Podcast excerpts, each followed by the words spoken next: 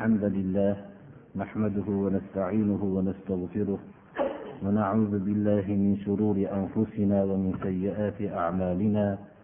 من يهده الله فلا مضل له ومن يضلل فلا هادي له. وأشهد أن لا إله إلا الله وحده لا شريك له.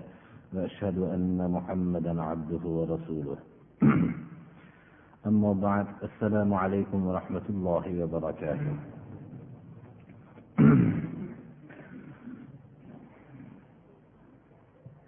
Alloh subhanahu va taoloning madadi bilan inshaalloh bugungi darsimiz surai moida ya'ni dasturxon surasi.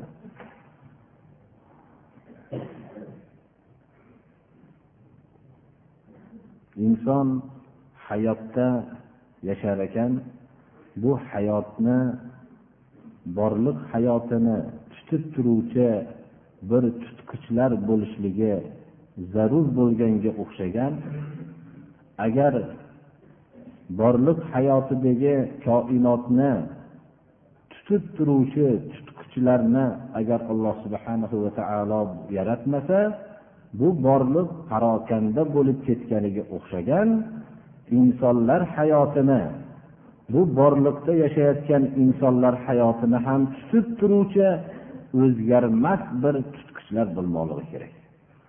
Bu tutqichlar ma'lum bir davrda o'zgarib turadigan tutqichlar bo'lmasligi kerak. Bu tutqichlar yillar sari oylar sari o'zgaradigan bo'lmasligi kerak. Agar o'zgarmas bu tutqichlar bo'lmas ekan insonning o'zining shaxsiy hayoti ham muvozanatdan chiqadi va o'zining boshqalar bilan bo'lgan hayoti ham muvozanatdan chiqadi. Atrofdagi jonsiz mavjudot bilan birga bo'lgan hayoti ham muvozanatdan chiqadi va o'zining yaqinlar bilan va uzoqlar bilan bo'lgan munosabatlari ham muvozanatdan chiqadi. Xullas dushmanlarga nisbatan bo'lgan muomalalarda ham mo'min kishilar uchun alloh subhanahu va taolo tutqich berganki shunga asosan muomala qilishadilar. Ular hech qachon o'zlarining havoyi nafslari bilan muomala qilishlikka haqlari yo'q. Ular bir muqayyat bo'lib yashashadilar o'zgarmas qonun bo'lgan tutqichlarga. Shuning uchun alloh subhanahu va taolo insonning hayotdagi hayotini manhajini insonlarga huquqini bermadi. O'zi o'zgarmas bir manhajni jo'natdi. Uning shaxsiy hayotida ham ijtimoiy hayotida ham duvaliy hayotida ham xalqaro dushmanlariga nisbatan bo'lgan hayotida ham o'zgarmas bir yo'llarni jo'natdi. Mo'min kishi o'zining hayotida shu qonunlarga muqayyat bo'lgan holatda yashaydi mo'min bo'lib bu qonunlarga muqayyat bo'lmaslik bilan mo'minlikdan chiqadi bugungi darsimizdagi billah يا أيها الذين آمنوا أوفوا بالعقود ey iymon keltirgan kishilar uqud ya'ni aqdlarga ahdlarga vafo qilinglar ahdlarga vafo qilinglar to'la suratda. Alloh subhanahu va taolo bu aqdlar ya'ni ahdlarni bizga mana birinchi ollohga bo'lgan iymon aqdi. Bu iymon aqdini modomiki bir kishi bajarmas ekan mo'min bo'la olmaydi. Bu yagona ma'budning barhaq ekanligi va muhammad alayhissalomning ollohning elchisi ekanligini tan olishlik bo'lgan iymon ahdi va aqdidir. Mo'min bo'lgandan keyin hayotdagi hamma buyurilgan hayotning har bir narsasini alloh subhanahu va taolo bayon qildi. Qur'oni karimda dunyo va oxiratni o'z ichiga oluvchi hamma ahkomlar bayon qilindi. Umumiy ahkomlar bayon qilindi rasululloh sollallohu alayhi vasallamning hadisi muboraklari bilan bayon qilindi mushtahidlarning qur'oni hadis asosida chiqargan istinbotlari bilan bayon bo'ldi mana bu islomdagi aqdlar hisoblanadi besh vaqt namozni o'qishlik bu aqdlarning bittasi zakot moli nisobga yetsa zakotni berishlik aqdlarning bittasi bir yilda bir oy ro'za tutishlik bu aqdlarning bittasi. Va bir yilda hajga qodir bo'lsa borishlik bu umrda bir marta borishlik bu ham alloh subhanahu va taolo tarafidan insonlarningga jo'natilingan aqdlardan bittasiki mana bu narsalarga to'la o'tashlikka alloh subhanahu va taolo iymon keltirganlarni buyuryapti.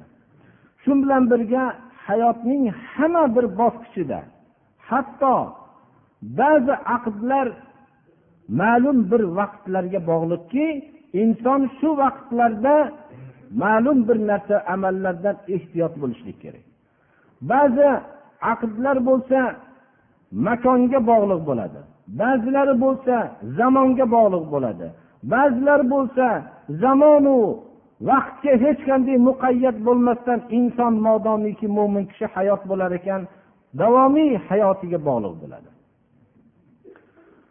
alloh subhana va taolo bu aqdlarning ba'zilarini sura moidani avvalda bayon qilib يا أيها الذين آمنوا أوفوا بالعقود أحلت لكم بهيمة الأنعام إلا ما يتلى عليكم غير محل الصيد وأنتم حرم إن الله يحكم ما يريد aqdlarga vafo qilishlikka buyurilgandan keyin alloh subhanahu va taolo xabar beryaptiki sizlarga bahimatul an'am ya'ni chorpolar hayvonlarni so'yib yeyishlik sizlarga halol qilindi Sizlarga haromligi aytilinganlar bundan mustasnodir. Ba'zi hayvonlarni alloh subhana va taolo yeyishlikni harom qildi bularni o'zini kitobida o'qib buni payg'ambar sollallohu alayhi vasallamga shu u kishi vositalik tilovat qilib berildi. Mana bu hayvonlar mustasno boshqa hayvonlar haloldir. Inshaalloh hozirgi darsimizni davomida u tilovat qilingan ya'ni haromligi qaysi bo'lgan hayvonlar inshaalloh o'qilinadi. Vahimatul anam bu tuya mol qo'y va hamda boshqa bir vahshiylar ichida ham borki ya'ni uy hayvonlaridan tashqari bo'lgan kiyik shunga o'xshagan narsalarni o'z ichiga oladi. Bular alloh subhanahu va taolo bu hayvonlarni so'yib yeyishlikni bizga halol qildi. Ammo sizlarga haromligi tilovat qilinganlari bular haromdir.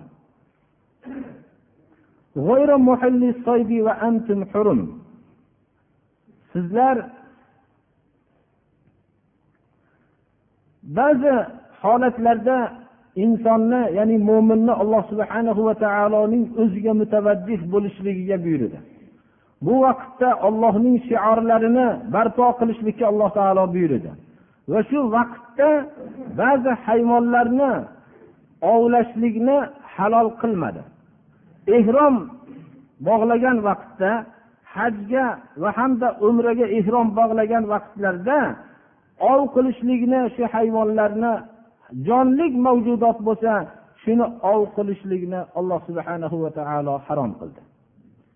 Banda o'zida alloh subhanahu va taologa labbayka aytgandan keyin ehromga kirgandan keyin endi o'ziga jonlik mavjudotga birortasiga zarar yetkazib ya'ni uni ov qilishlikni islom unga harom qildi. Mana bu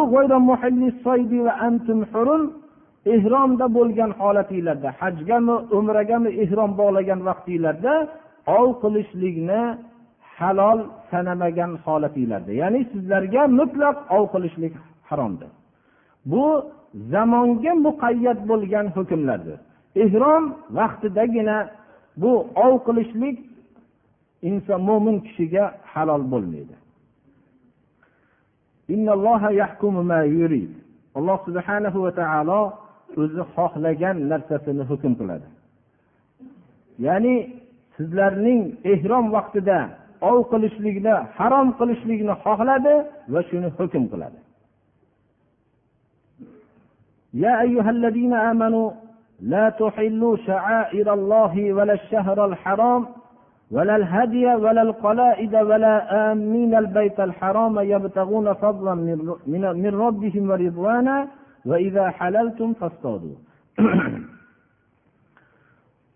alloh subhanahu va taolo iymon keltirgan kishilarga nido qilib ey iymon keltirgan kishilar ollohning shiorlarini halol qilmanglar. Ya'ni olloh subhanahu va taolo haj va umrada ba'zi bir amallarni harom qildiki bularning hurmatini lozim qilishliginglarni sizlardan talab qildi. Ollohning bu shiorlarini hurmatini to'kib bu amallarni tiyilgan amalinglarni bemalol qilgan holatda yurmanglar.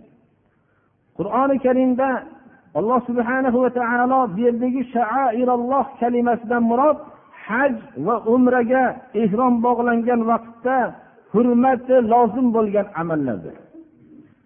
Inson ehrom bog'lashligi bilan unga ehromdan tashqarida ko'p mumkin bo'lgan amallarning bunga mumkin emas bo'ladi. Bu amallar ollohning shioriki. Bu bilan mo'min kishi o'zining ollohni buyrug'iga tayyor ekanligini e'lon qilgandan keyin endi o'zida hech qanday bir nafsiga ulush olib qolmagandan keyin faqat alloh subhana va taoloning o'ziga mutavajjih bo'lib ba'zi bir qaytargan narsalardan qaytib o'zida ollohning shiorlarini barpo qiladi. Masalan biror ehrom bog'lagandan keyin ov qilishligi mumkin emas. Hali aytib o'tganimizdek sochini oldirishlik mumkin emas tirnog'ini olishlik mumkin emas. O'zi bir uzrsiz bo'lgan bo'lsa yuvinib taranishligi mumkin emas. Xushbo'ylanishligi ehromdagi xushbo'ylangandan tashqari keyin to e, o'zini xushbo'ylashligi qurbonligini so'yguncha nahr qurbonlik kuni kelguncha mumkin emas bo'ladi. Mana bu amallar bilan o'zida ollohning hukmini shiorlarini ko'rsatadi. Ey iymon keltirgan kishilar ollohning haj va umradagi shiorlarini qilishlik mumkin emas bo'lgan narsalarni sizlar mumkin deb halol sanab qilmanglar. Inson hajga borganda odatda bir qilishligi mumkin bo'lgan narsalardan hammasini tiyilib o'zida ollohni hukmiga muqayyat bo'lishlikni yangilab keladi. Harom. Demak shundan ma'lum bo'ladiki ehrom vaqtida alloh subhana va taolo qaytargan narsalardan qaytishlikka olloh buyuryapti. Shahrul haromni ham hurmatini to'kmanglar. Shahrul harom to'rt oyni tashkil qilib rajab zulqada zulhijja muharram oylari shahrul harom hisoblanadi. Bu shahrul haromda jang qilishlik mutlaqo mumkin emas. Yer kurrasi bo'yicha bu oylarda jang qilishlik mumkin emasdir. Bu bir narsaning haromligi bu yerda zamonga muqayyat bo'lyapti. Demak shahril harom ya'ni to'rt oyda rajab zulqada zulhijja muharram oylarida bu oyning hurmatini to'kib mo'minlar boshqa bir kishilar bu oyda jang qilishligi mumkin emasdir. Shahrul haromda alloh subhana va taolo jangni harom qildi. Arablar islomdan ilgari ham shahrul haromni hurmatini keltirishardi. Lekin ba'zi bir amallarni bular havolariga muvofiq qilib ba'zi oylarni jang qilishlik maqsadida kechiktirib uzaytirib qisqartirishib shunday hiylalar bilan bajarishardi. Alloh subhana va taolo bu to'rt oyda jangni harom qildiki inson bir xotirjamlik lazzatini esdan chiqarib qo'ymasin. Har qanday dushmanlariga nisbatan ham bu bu vaqtda jang qilishligi mumkin emas bo'ldiki. Butun bashariyat jang qilib to'xtamasdan jang qilib yurgan bashariyat bir xotirjamlik lazzatini tatib xotirjamlikka moyil bo'lsin.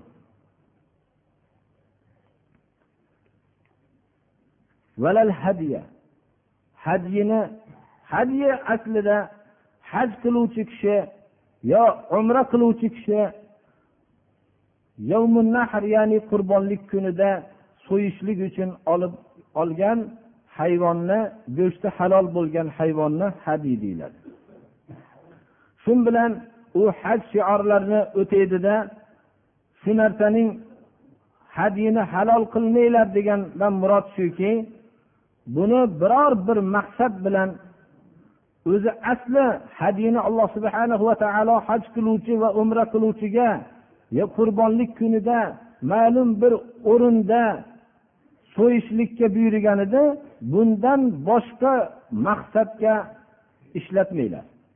Va shundan tashqari qurbonlik kunidan boshqa kunda so'ymanglar degan ma'noni bildiradi.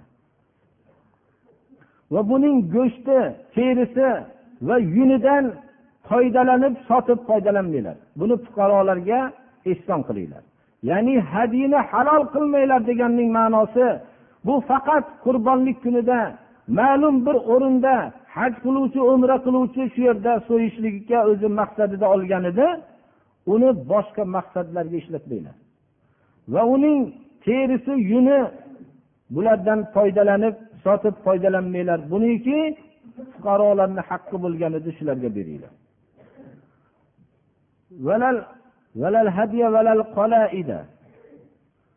Qolaid bu hadiydan keyin kelishligidan biz bilamizki bir kishi biror bir narsani so'yishlikni nazr qilgan bo'lsa ollohni yo'lida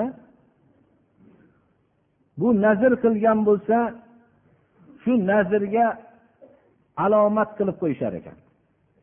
Ya'ni bir hayvonni tuyani so'yishlik uchun ollohni yo'lida so'yishlik uchun yoyinki biror bir molni yo bir qo'yni ollohni yo'lida so'yishlik uchun nazr qilib qo'ygan bo'lsa bunga bir alomat qo'yib bo'yniga bir narsa osib qo'yishar ekan. Shuning uchun qolaid degan kalimadan murod vallohu alam shu bo'lsa kerak bo'yniga osilingan olloh yo'lida nazr qilgan hayvonlarni sizlar boshqa maqsadga burib ketmanglar. Olloh yo'lida nazr qilingan narsani shu nazrga vafo qilishlikka vafo qilishlik vafo qilmaslikdan alloh subhana va taolo qaytaryapti. Ya'ni bu nazriylarga vafo qilinglar.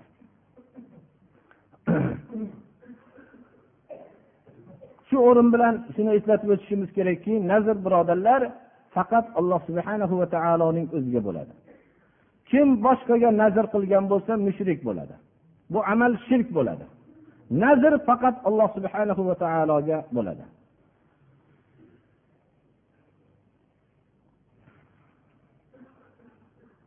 ولا القلائد ولا آمين البيت الحرام يبتغون فضلا من ربهم ورضوانا آمين البيت الحرام bundan murod baytul haromni qasd qilib tijorat maqsadida qasd qilib ketayotgan ollohning rizosini topishlik uchun maqsad qilib ketayotgan baytul haromni qasd qilib ketayotgan kishilarni sizlar bularga amonlik beringlar. Ya'ni ularni hurmatlarini to'kishlikdan saqlaninglar baytul harom tarafiga bir kishi qasd qilib ketayotgan bo'lsa robbi tarafidan fazlni talab qilib deb bundan maqsad tijorat. Tijorat maqsadida va hamda ollohning rizosini maqsad qilib ketayotgan bir kishini shularning hurmatlarini bu maydonga kirgandan keyin to'kmanglarki bularga amonlik beringlar. Qur'oni karim baytul haromga kirgan kishi kirishligi bilan xotirjam bo'ladi. Kim baytul haromga kirgan bo'lsa xotirjam bo'ladi. Hattoki bu yerda dushmaningizga ham zarar yetkazishlikka haqqingiz yo'qdir. Ibrohim alayhissalom baytul haromni kabai muazzamani qurgan vaqtlarida xudoyo bu yerni xotirjamlik joyi qilgin deb duo qildilar. Alloh subhana va taolo duolarni ijobat qildi. Hattoki biror bir shu yerda qonuniga bir zid ish qilib shu yerga kirib olgan odamni ham shu haramda tegilmaydi birodarlar. Bu yerda bir haramning qushlariga biror kishi zarar yetkazmaydi. Haramning daraxtlarini tutamaydi ehromda bo'lgan kishilar bular mana bu haramni alloh subhana va taolo xotirjamlik joy qildi. Bu oyatda baytul haromni xoh tijorat va hamda ollohni rizosini maqsad qilib ketayotgan kishilarning amonlik beringlar ularning amonliklariga putur yetkazmanglar degan maqsaddir. Ehromdan chiqib halol bo'lsanglar endi sizlarga ov qilishlik mumkindir.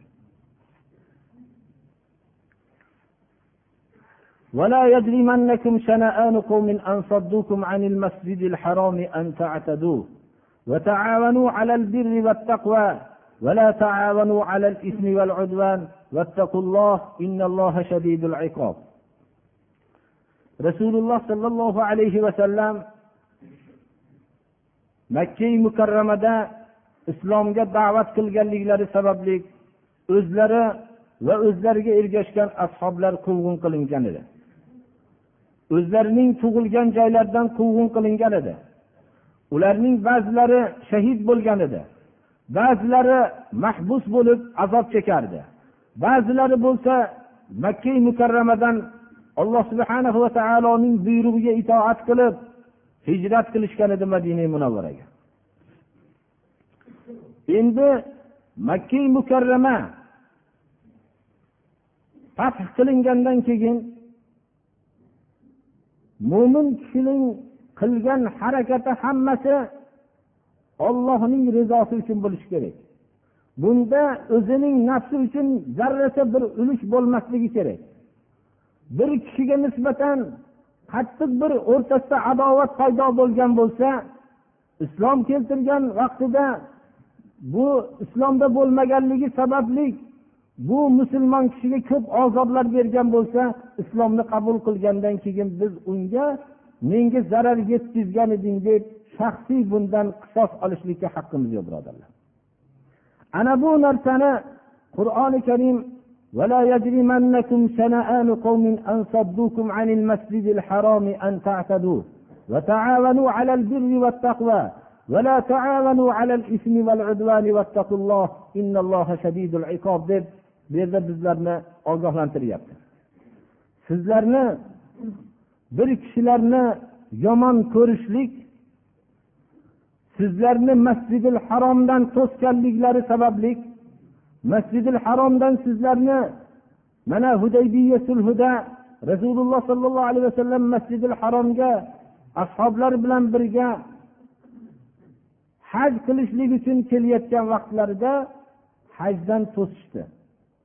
Qalblarda g'azab paydo bo'ldi ashoblarda makka mukarramaga yaqinlashgan vaqtlarda bularni yo'li to'sildi. Mana bu oyatda sizlarni masjidil haromdan to'sganligi sababli ularni yomon ko'rishlik tajovuz qilishliginglarga sabab bo'lib qolmasin dedi. Alloh subhanahu va taolo hatto musulmonlarni shunday ta'lim beryaptiki ularning qalbidagi hamma harakat olloh uchun bo'lmoqligi kerak. Hatto masjidil haromdan to'sgan odamlar to'sganliklari sababli ularga bo'lgan adovat ham ularga tajovuz qilib qo'yishlikka sabab bo'lmasin deyapti. Mana bu adolat islomdan boshqadan istashligan kishi ovora bo'ladi. Bu adolat hatto johiliy habiyatlar bilan biror bir ish qilishlikka huquq bermaydi. Bu bir tog'ni ikkinchi joy bir joydan ikkinchi joyga ko'chirishlikdan ham og'ir ishdir birodarlar qaysi bir kishi agar qo'liga huquq keladigan bo'lsa o'zining dushmanlaridan o'ch olishlikka bu kursini foydalanadi. Ammo musulmon kishilar hatto o'zlarining otalarini shahid qilgan kishilarni dushmanlarni musulmon bo'lgandan keyin ko'rib yurishardi zarracha. Zarar yetkazmasdi. Ko'p azob bergan o'ziga bo'lgan kishilarning islom qabul qilgandan keyin ko'rishardi. Bularga nisbatan adolat qilishardi. Tajovuz qilishmasdilar. Biloli habashiy shuncha azob bergan kishilardan o'ch olmadilar hamzat ibn abdul muttolibni shahid qilgan vahshiydan biror bir sahobiy o'tolmadi islomni keltirganda ular hijolat bo'lib turganda bular tomonidan balki al islom o'tgan gunohlarning hammasini yuvadi. Bunga e'tibor bermang deb kutib olishdilar. O'zlarining dadalari farzandlarini qatl qilgan kishilar islomni qabul qilganda hind abdul muttolibning jigarini chaynab qo'ygan kishilar islomni qabul qilganda rasululloh sollallohu alayhi vasallam o'shamadilar ularda. Chunki ular qur'on madrasasida ta'lim olgan edilar. Ular yevropa madrasalarida ta'lim olmagan edilar. Ular qur'on madrasasidan tarbiya olib chiqqan kishilardir. Bular o'zlarining shaxslari uchun zarracha o'ch olishmadilar. Islomga zarar yetkazgan kishilar islom bilan kurashib yurgan kishilar islomni yo'qotishlik uchun maosh olib ishlaganlar islomga kirishsinlar qo'rqmasdan islom ulardan qasd olmaydi. Islom ulardan o'ch olmaydi balki musulmonlar ularni islom o'tgan gunohlarning hammasini kechiradi deb shu vaqtdan o'ziga birodar sanaydi masjidil haromdek o'rindan to'sganliklari sababli. Masjidil haromdan to'sishlik ularning otalarini o'ldirganlikdan ham qattiq ularga azob berardi. Alloh subhana va taolo masjidil haromdan sizlarni to'sganliklari sababli bir kishilarni yomon ko'rishlik tajovuz qilishlikka sabab bo'lmasin deb. Yaxshi taqvo ishlar ustida o'rtoqlashinglar. Mo'min kishi kim bo'lishligidan qat'iy nazar dunyoning qaysi bir burchagida yashayotgan mo'min kishi bo'lsin yaxshi ishni qilayotgan bo'lsa shunga yordam berishlikka. Borib ulgurolmasa duo qilib unga xudoyo shuni ishiga madad bergin deb duo qilishlikka ma'murdir. Taqvo ishlarida o'rtoqlashishlikka alloh subhana va taolo buyurdi. Gunoh tajovuz ishlarida yordamlashmanglar. Alloh subhana va taolo gunoh ishlarida yordamlashishlikni man qildi. Agarki bu otasiniga bo'lsa ham shuning uchun masalalarda mabodo bir kishining otasi mast qiluvchi ichimlikni ichadigan bo'lsa menga mast qiluvchi ichimlikni olib kelib ber desa olib kelishlikdan xudodan qo'rqaman desin ammo ichib bo'lgandan keyin shu shishani tashlab yuborgin desa bunda otasiga itoat qiladi chunki bu gunoh emas. Islom ulamolari yaxshilik va taqvo ishlarida o'rtoqlashinglar. Gunoh va tajovuz ishlarida o'rtoqlashmanglar yordam bermanglar degan oyatlarga juda amal qilishdilar. Bir kishi mast qiluvchi ichimliklar bilan ziyofat uyushtirayotgan kishiga xizmatlar qilib yordam bergan kishi ollohni buyrug'ini aksini qilgan bo'ladi. Shariatda harom bo'lgan narsani vujudga kelishligiga harakat qilgan odam gunoh ishga yordam bergan bo'ladi. Uning kasbi harom bo'ladi. Alloh subhana va taolo faqat yaxshi ishlaru taqvo ishga yordamlashinglar dedi. Hatto ulamolarning bittasi amal qilgan shunday islom ulamolari bo'lganki u kishidan bir zolim bir podshoh qalamingizni berib turing bir narsa yozmoqchiman deganlarda qalamim yo'q desam yolg'on gapirgan bo'laman. Qalamimni bersam bu qalamim bilan bir zulmni yozasanda men shu zulmingga sherik bo'lib qolaman. Qur'oni karimda alloh taolo gunoh udvon tajovuz ishlarida yordamlashmanglar deyapti degan ekanlar. Hatto bizni islom olamida shunchalik amal qilgan kishilar bo'lgan. Bu qur'on ta'limotining natijasida mo'minlar shunday komil tarbiyalarga yetishdilar. Shuning uchun bizdan ham juda ko'p masalalar so'raladi birodarlar. Agar biz mana shu masalani bilib olsak juda ko'p masalalarni so'rashlikka hojatimiz bo'lmaydi. Qarindoshlar bunday deyapti dadam bunday deyapti o'rtoqlarim bunday deyapti shuni qilsam bo'ladimi yo'qmi degan savollar bo'ladi. Shu oyat ularga javob bo'ladi. Agar gunoh ish bo'ladigan bo'lsa tajovuz zulm ishlar bo'ladigan bo'lsa o'rtoqlashsa bu gunoh bo'ladi. Alloh subhana va taolo man qilgan.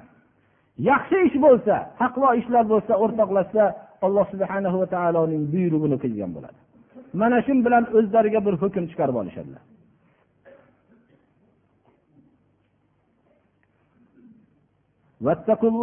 Ollohdan qo'rqinglar. Shaxsiy o'ch olishlik uchun ollohdan qo'rqinglar. Hatto masjidil haromdan sizlarni to'sgan bo'lsa ham ularga tajovuz qilmanglar. Islomga zarar yetkazib islomga bilan kurashib ma'lum bir davrlar o'tib buning xatosini tushunib men islom meni kechirarmikin deb o'ylamasin. Islom uni kechiradi shu vaqtda. Agar sodiqlik bilan qaytgan bo'lsa alloh subhana va taolo kechiradi.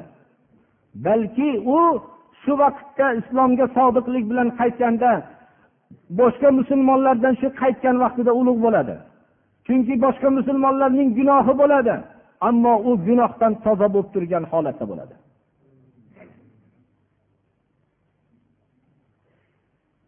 Vattaqulloh ollohdan qo'rqinglar.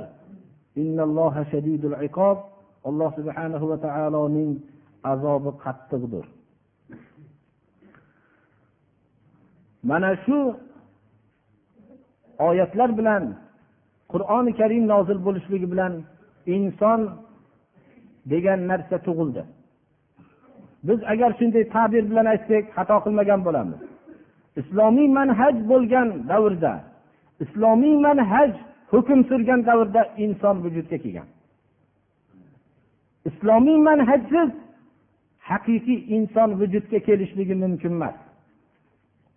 Mumkin suratda inson deb atalgan maxluq bo'lishligi mumkin lekin u inson bo'la olmaydi haqiqiy. Qur'oni karim tarbiyasi johiliyat davridagi hech qanday qonunga muqayyat bo'lmagan kishilarni shunday oliy martabaga olib chiqoldi. Bir kishi ayol kishi farzandini siynasidan ovqatlantirsa tahorat ketadimi debdi tahorat ketmaydi. Ba'zi kishilar shunaqa bir savolni ko'p berishibdi. Shu savollarda necha marta berdi bir men umumiy fikr bilan unga javob bergan deb bilardim. Oshkor javob berishimiz kerak bo'lib qoldi. Ba'zi kishilar mana dadalarimizni qabriga manaqa ba'zi volidalarimizni qabriga bir g'isht tosh urishlik mana shunaqa narsalar to'g'risida so'rashibdi. Bu narsaga javob shuki birodarlar islom kishini hayotda iymon keltirish amali solih qilishlikka buyurdi va qabrni obod qiladigan narsa iymon amali solih deb o'rgatdi. Va o'tib ketgandan keyin amali to'xtaydi uchta amali davom etadi.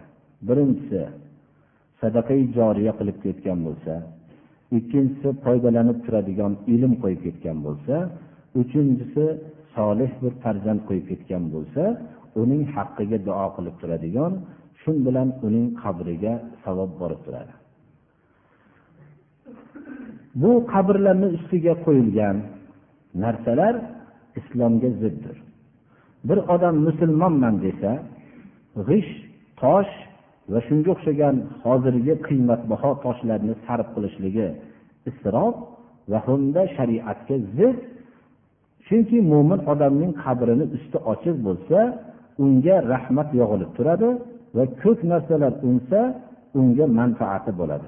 Rasululloh sollallohu alayhi vasallam ikki qabrni oldidan o'tib o'tdilarda shunda ikkovlari azoblanayotganliklarini aytdilar. Bu tafsiliy keng gap buni aytib o'tirmaymiz. Biz kerakli joyini olamiz. Shunda bir novdani olib tushishlikka buyurdilar. Novdani olib ikkiga sindirib qabrga sanchib qo'ydilar. Shunda yo rasululloh nimaga shuni qildingiz? deganlarda quriguncha foydasi bo'lib turadi dedilar.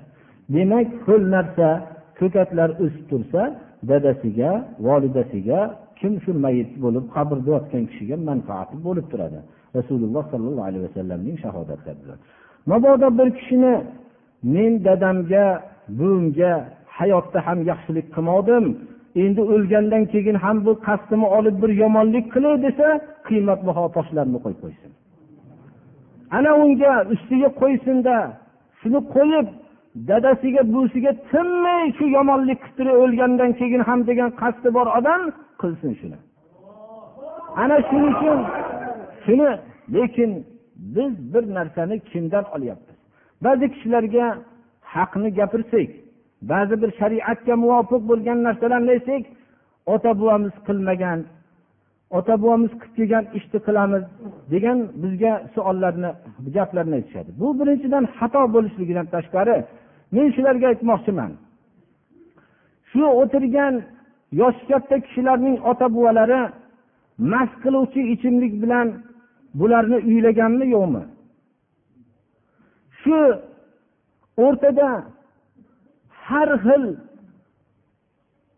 ziyofatlarni munkar shariatga xilof bo'ladigan holatlar bilan uni turmush qilayotgan vaqtda shunday qilganmi yo'qmi?